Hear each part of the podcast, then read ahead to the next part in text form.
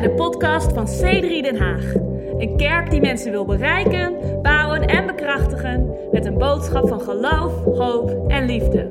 We hopen dat deze podcast je verfrist en inspireert.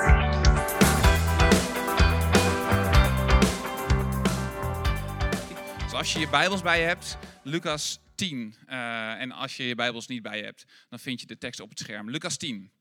En Lucas 10 begint bij vers 25. Dus Lucas 10 vanaf vers 25. En er staat het volgende. Daar staat, er kwam een wetgeleerde die hem op de proef wilde stellen. Jezus. En hij vroeg, meester, wat moet ik doen om deel te krijgen aan het eeuwige leven? Goeie vraag. Wie vindt dat een goede vraag? Als je Jezus ontmoet, wat, wat moet ik doen om deel te, deel te krijgen aan het eeuwige leven? En Jezus antwoordde, wat staat er in de wet geschreven? Wat leest u daar?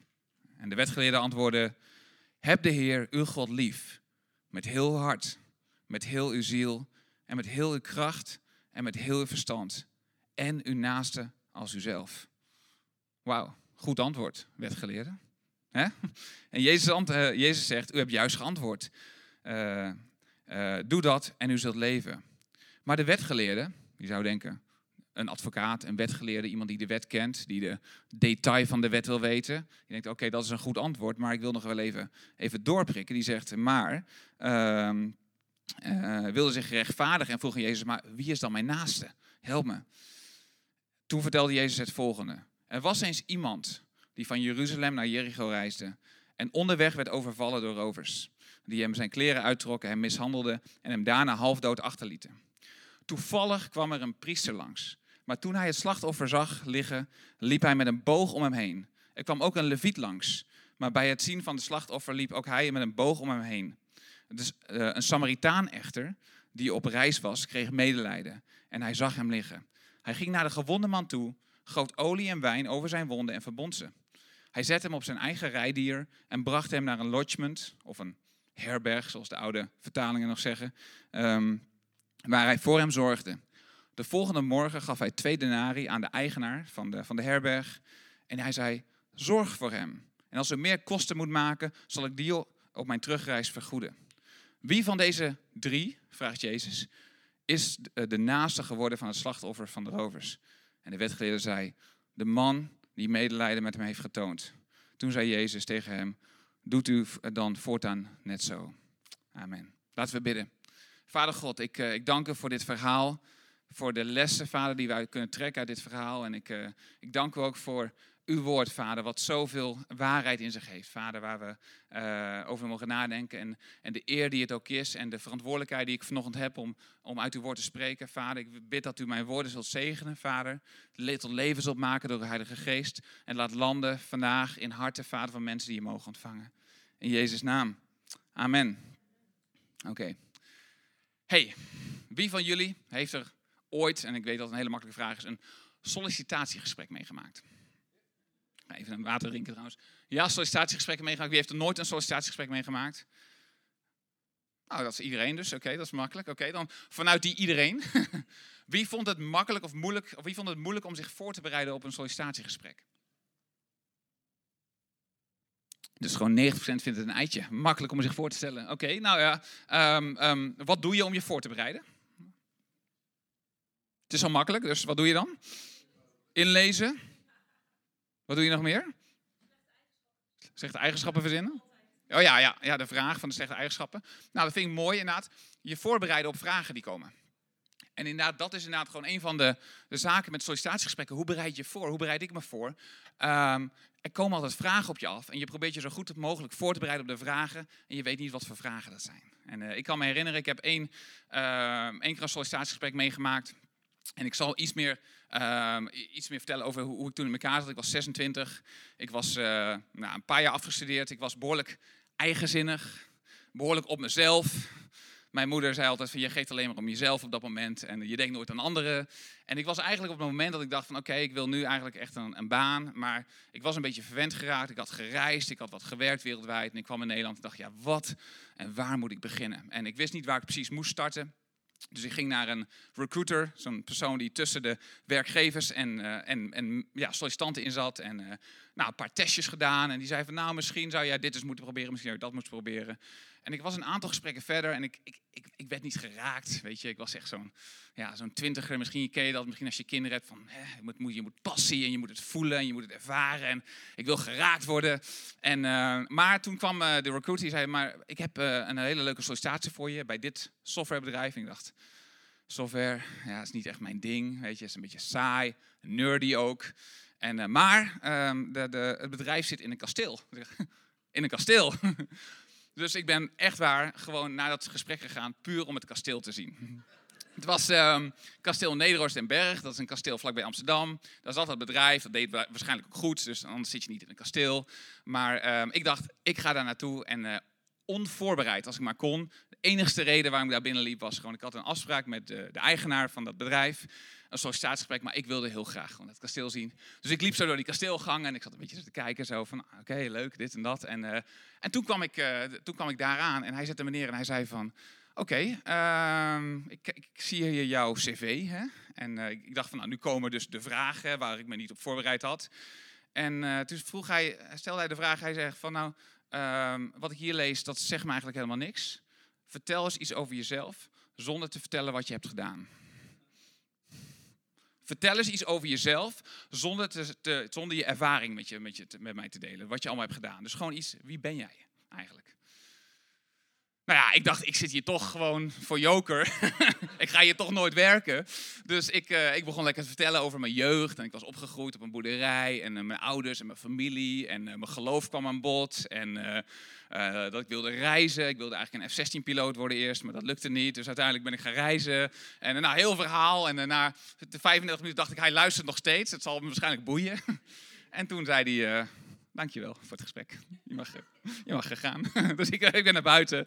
En ik liep ook naar buiten. Ik dacht, nou, dan ga ik nooit meer terugkomen. En uh, je raadt het nooit, maar de, de, volgende dag werd ik gebeld. En uh, met de, de, mededeling van, uh, ja, wil je eigenlijk graag hebben? nou, ik heb nog nooit zo'n vreemd gesprek meegemaakt. En, en sterker nog, ik zat ook flabberg. Ik dacht van, ja, maar ik wil hier eigenlijk niet werken. dan moet ik eigenlijk gewoon antwoord geven op een baan. En dus ik begon me een beetje te onderzoeken. Ik dacht, nou ja, laat ik het toch maar doen. En ik ben daar gaan, gaan werken.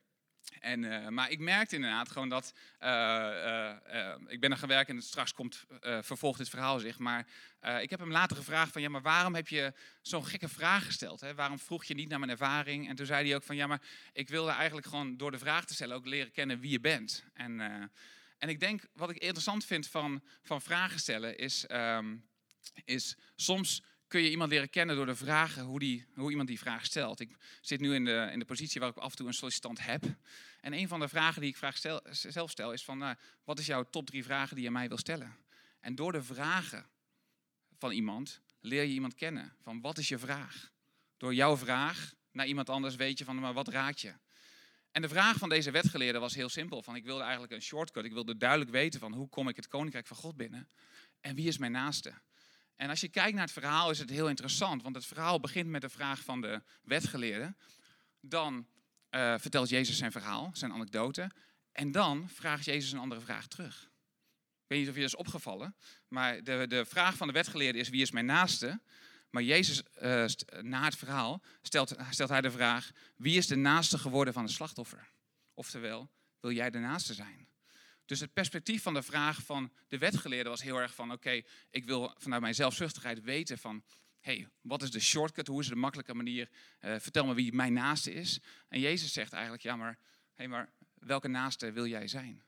En dit is wel een, iets wat Jezus vaak doet. Ik weet niet of je dat is opgevallen, maar zelf een vraag terugstellen. En ik zie het in mijn eigen leven. Soms heb ik vragen aan God, vragen aan Jezus en vragen in gebed. En merk ik in plaats van dat Jezus mij even het antwoord geeft van vertel nou simpel wie mijn naaste is, Jezus.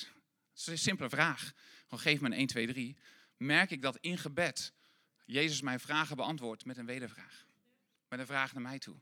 En ik zie het bijvoorbeeld in vragen zoals van Heer, geef mij een baan. En Jezus zegt, ja maar welke werknemer wil je eigenlijk zijn? Of Heer, geef mij een partner. Ja maar wat voor partner wil je eigenlijk zijn voor iemand? Of Heer, geef me een relatie. En Jezus vraagt je misschien van, ja, maar hoe kan jij de eerste stap zetten naar een relatie, naar een familielid? En uh, dus het eerste punt wat ik wil maken, gewoon puur kijken naar dit verhaal, is soms beantwoordt Jezus jouw vraag met een wedervraag. En ik denk dat er sommige mensen zijn hier vanochtend die dat merken, die dat ervaren. Die denken, ik heb een vraag voor, voor God, die ik al misschien jaren heb en die ik vraag en vraag. En ik heb het gevoel dat ik geen antwoord krijg, maar ik heb het gevoel alsof Jezus een verhaal vertelt en mij een vraag terugstelt. En die vraag gaat misschien niet intentioneel over hetzelfde. Het gaat ook over de vraag van wie is mijn naaste misschien. Maar Jezus kijkt altijd vanuit een ander perspectief naar jouw vraag toe. En mijn vragen zijn vaak vanuit mijn perspectief. Hoe is de makkelijke, wat is de makkelijke manier om dit te krijgen? God, ik verwacht dit van je. Of God, ik verwacht dit van u. Of ik wil graag dit. En dit zijn mijn dromen. En ik merk dat God um, en Jezus uh, mijn vragen beantwoordt met een wedervraag. Eerste punt, voor sommigen van jullie. Tweede is, en nu komt hij. En um, ik, ik, ik, ga het even voorbereiden. Ik ga de spanning een klein beetje opbouwen. Want we hebben met onze connectgroep hebben we afgelopen uh, twee seizoenen hebben vaak de Bijbel bestudeerd. En we hebben het vaak gehad over soms.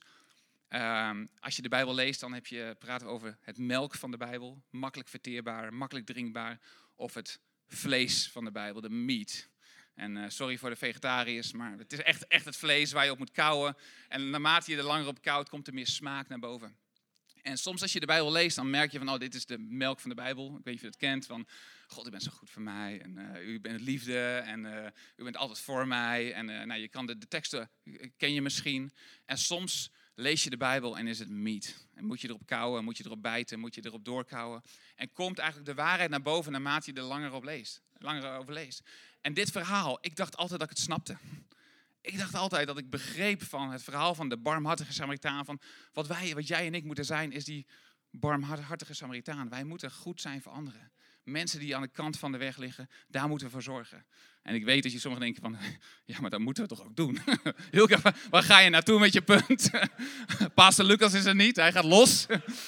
um, absoluut, ik geloof dat dat zeker inderdaad uh, een, een punt is. Maar ik wil een ander punt maken. En ik wil eigenlijk het punt maken van, Jezus is de barmhartige Samaritaan.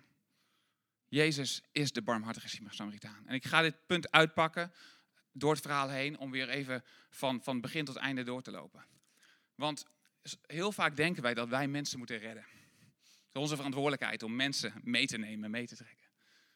Maar de verantwoordelijkheid van Jezus, van God, is om mensen te redden. En God alleen. En ik, uh, als, ik, als ik kijk naar het begin van het verhaal, dan zien we dus inderdaad een man die een reis maakt van Jeruzalem naar Jericho, onderweg, uh, van A naar B. Dat was in die tijd een, een bekende reis die mensen maakten, die Joden maken. Uh, het was ook heel bekend dat daar onderweg, dat daar rovers waren, dat je werd overvallen. Maar in, in, in elk uh, seizoen van ons leven, van mijn leven, ben ik altijd op reis. Ik merk altijd dat Jezus mij onderweg tegenkomt, van A naar B, waar ik ook heen ga. Jezus alleen kan mensen redden. Jezus alleen. Jij niet, ik niet. C3 Den Haag kan geen mensen redden. Mensen. De kerk kan geen mensen redden. We zijn niet geroepen om mensen te redden. Jezus redt mensen. Jezus zorgt voor mensen. Jezus weet waar ze zijn. Um, nu komen dus als eerste in het verhaal komen de priester en de leviet langs. En die lopen langs. En zoals het verhaal zegt, die lopen met een grote boog om deze, deze man heen. En de priester en de leviet staan voor de wet. Zijn wetsgeleerden. Dat zijn mensen die de wet kennen van, van diep van binnen. En, je, en ik, ik, denk dat Jezus ook noemde om het een beetje gevoelig te maken. Want deze man was een wetsgeleerde. Juist een klein beetje te steken van, ik laat even zien dat een, een priester en een leviet kunnen deze man niet redden. Nou, ik zal je vertellen vanochtend kerk, de wet kan jou niet redden. De wet kan jou niet redden. Jezus kan jou redden, maar het kennen van de wet is geen, um, is geen, um, uh, is geen redding voor je. Het woord van God zegt dat wij altijd tekortkomen aan de wet. En Jezus kwam om te redden, om, om, om de wet in vervulling te laten gaan. Nou, terwijl deze man ergens in een rivierbedding lag, kwam er een Samaritaan. En het Samaritaanse volk was uh, een heel interessant volk. Want het Samaritaanse volk was half Joods en half niet-Joods. En werd eigenlijk, het is het volk wat werd veracht door de Joden. Het werd veracht en gemeden. Het Samaritaanse. Het Samaritaanse volk werd veracht en gemeden. Nou, wat zegt het woord van God? Wie werd er nog meer veracht en, en, vermeden? Jezus. Jezus werd in zijn, in zijn tijd veracht en vermeden. En uh, ik, ik, ik merk ook, ik, je voelt bijna op het moment dat Jezus die Samaritaanse man, uh, of de, de Samaritaan opbrengt, dat iedereen denkt van, oh nee, niet de Samaritaan. De minderheid, de mensen in onze maatschappij waar het dan altijd over gaat, als we uh, praten over zorgen.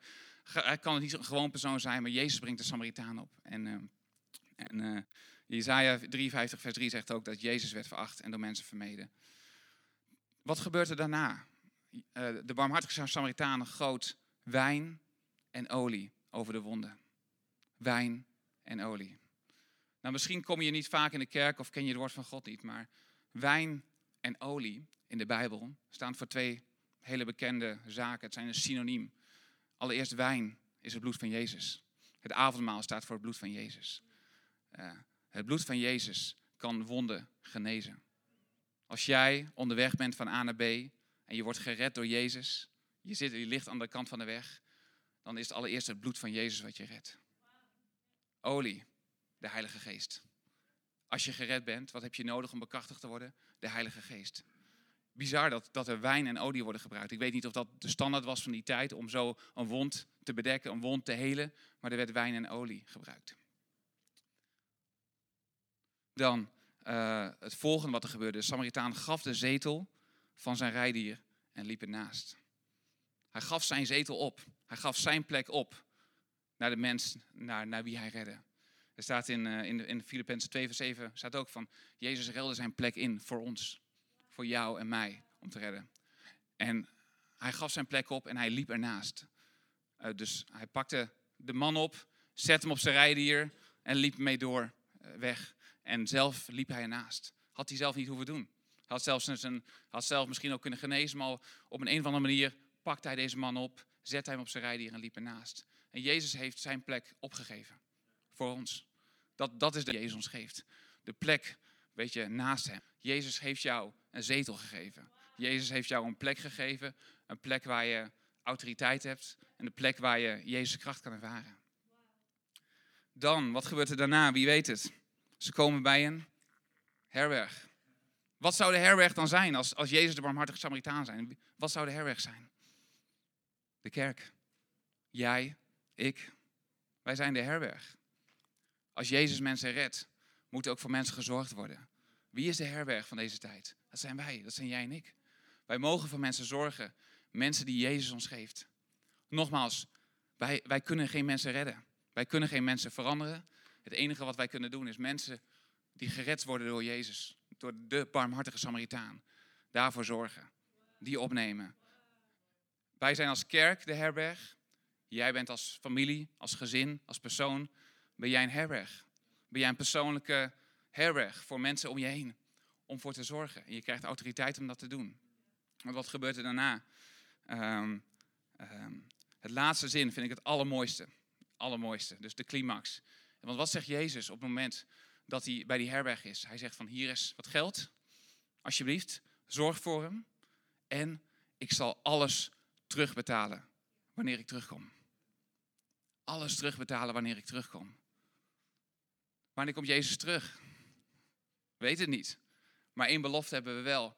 Alles wat we doen voor een, voor een ander, zal hij, ziet hij en zal hij terugbetalen. En ik wil dat je dat weet, dat je dat, dat, dat merkt, dat, dat Jezus niet alleen maar um, um, zorgt en zelf zorgt, maar dat hij ziet wat jij doet voor, voor een ander. Dat jij ziet wat hij doet voor een ander. Hij zal alles terugbetalen. Dus Jezus is de barmhartige Samaritaan. En het is misschien een, een andere gedachte, maar ik denk ook als ik hierover nadenk, denk ik ook van waarom komt die herberg ook voor in het verhaal? Want als het puur ging om de naaste en goed doen voor een ander, waarom zou je hem dan nog moeten droppen bij een andere plek? Weet je, als de, als de, de clue van het verhaal is dat je eigenlijk voor mensen moet zorgen en ze moet redden waar ze zijn. Uh, en dat is het, zeg maar. Waarom zou die ze dan nog op een, op een ezel zetten, op een rijtuig, om mee te geven en naar iemand anders geven? Nou, wie zou ik mensen die ik op straat zie liggen hier in Den Haag moeten geven? Is het niet gewoon mijn taak om daarvoor te zorgen? Dat is zeker mijn taak. Maar ik denk dat het een heel belangrijk onderscheid is. En dat is één grote les. Is gewoon let God be God. Weet je? Laat God God zijn. Wij kunnen niet voor God spelen. Wij kunnen niet mensen redden. Maar we kunnen wel heel goed onze taak weten. En wat is onze taak? Onze taak is ruimte maken. Want wie geeft God jou? Wie heeft Jezus jou gegeven? In jouw familie, in jouw vriendengroep. Mensen die Jezus hebben leren kennen. Mensen die misschien op zijn geraapt. En voor wie heb jij verantwoordelijkheid? En uh, nou, dit is een, een, deel van mijn story. Want toen ik um, uh, die sollicitatie had gehad en ik begon te werken bij deze organisatie, toen mocht ik na drie jaar mocht ik, uh, uh, naar Australië gaan als expat. Om daar een kantoor te starten, iets nieuws te beginnen. En dat was fantastisch. Geweldige uitdaging. Ook heel gaaf, want ik had er al twee jaar gewoond voor Bijbelschool. En ik hield van het land. Ik was single. Ik had niks anders te doen. dus ik dacht, zend mij. ik ga naar het moeilijke land. Zwaar, slecht weer, slechte stranden, geen surf, slecht eten. Het was gewoon een uh, afzien, maar voor de Heer deed ik dat. En uh, dus ik kwam daar en ik, het was een hele andere situatie, want ik moest ook een huis zoeken voor mezelf. En nou, dat, dat was al pittig, maar uiteindelijk had ik een huis gevonden en dan mocht ik pas over 2,5, 3 maanden in. Dus ik had een, een, een gap. En uh, ik had daar een aantal vriendschappen gemaakt, ook in de tijd dat ik daar woonde. En één uh, stel met wie ik goed bevriend was, is een Nederlands stel.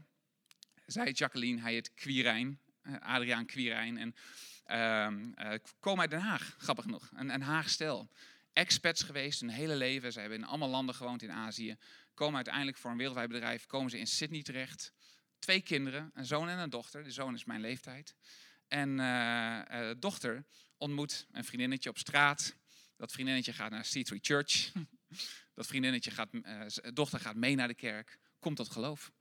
Ouders denken, oké, interessant. Hè? Nederlandse stijl, helemaal niet christelijk gelovig.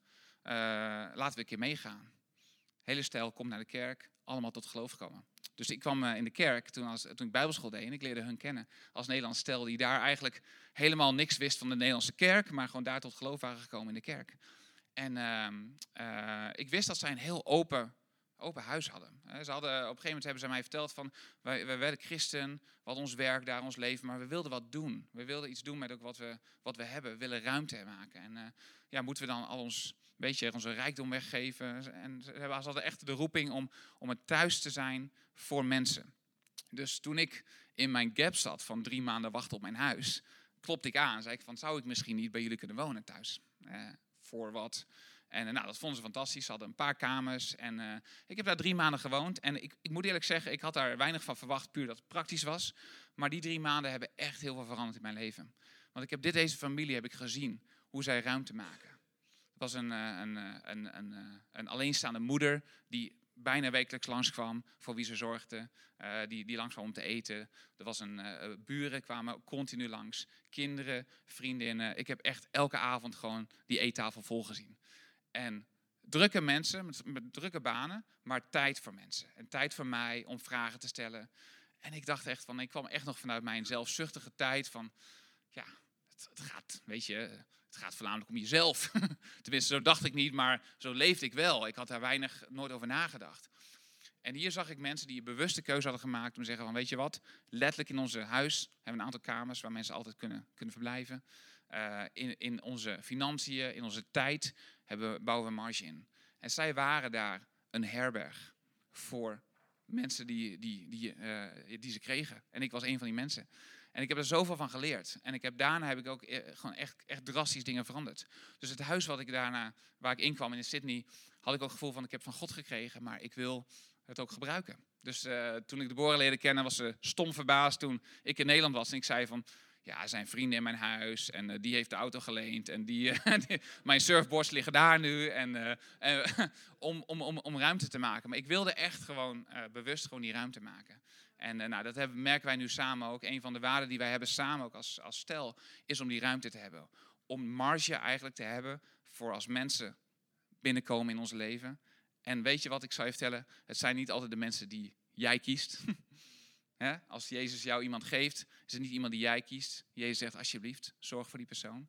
Wij, hebben hier, wij wonen hier nu vier jaar en we hebben zoveel mooie mensen gekregen. En uh, voor wie we kunnen zorgen. Maar het begint bij het, het maken van marge. En dat is mijn vraag ook naar jou. Van, heb jij, wat is jouw marge? Als jij jouw herberg bent.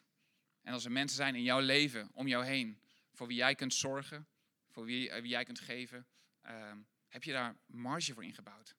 Heb je daar tijd voor in je, in je agenda? Heb je daar misschien ruimte voor thuis gemaakt? Heb je daar ruimte gemaakt in je hoofd om daar mee bezig te zijn? Wij, uh, het, het huis waar we nu wonen, uh, het lastigste, we vonden het een prachtig huis en we hebben, uiteindelijk zijn we daarin in gaan wonen. En ik weet dat veel van jullie bij ons thuis zijn geweest. Maar de, een van de grootste zorgen die ik had over dat huis is dat er geen kamer was voor gasten. Dus niet voor onszelf, maar dat er gewoon niemand, eh, niks was om voor andere mensen. Dus we hebben eigenlijk bewust ook gekozen van oké, als wij hier intrekken, dan willen we eigenlijk onze woonkamer kunnen omturnen, kunnen, kunnen veranderen. In, in vier minuten kunnen we wel tegenwoordig, drie, drie minuten vijftig. Uh, tot een slaapkamer met een gordijn die voor en een uh, luchtbed wat wordt opgeblazen en zo. Om in ieder geval een kamer te kunnen maken. Maar dat vinden we belangrijk om die marge te hebben. Dus um, de vraag voor jou is, wie geeft Jezus jou? En heb je ruimte? Heb je ruimte? Laatste punt voor deze, deze studie. Hebben jullie er wat aan? Het is heel stil, maar oké. En dat vind ik het mooiste. Jezus geeft permissie om te zorgen. Jezus geeft jou permissie om te zorgen.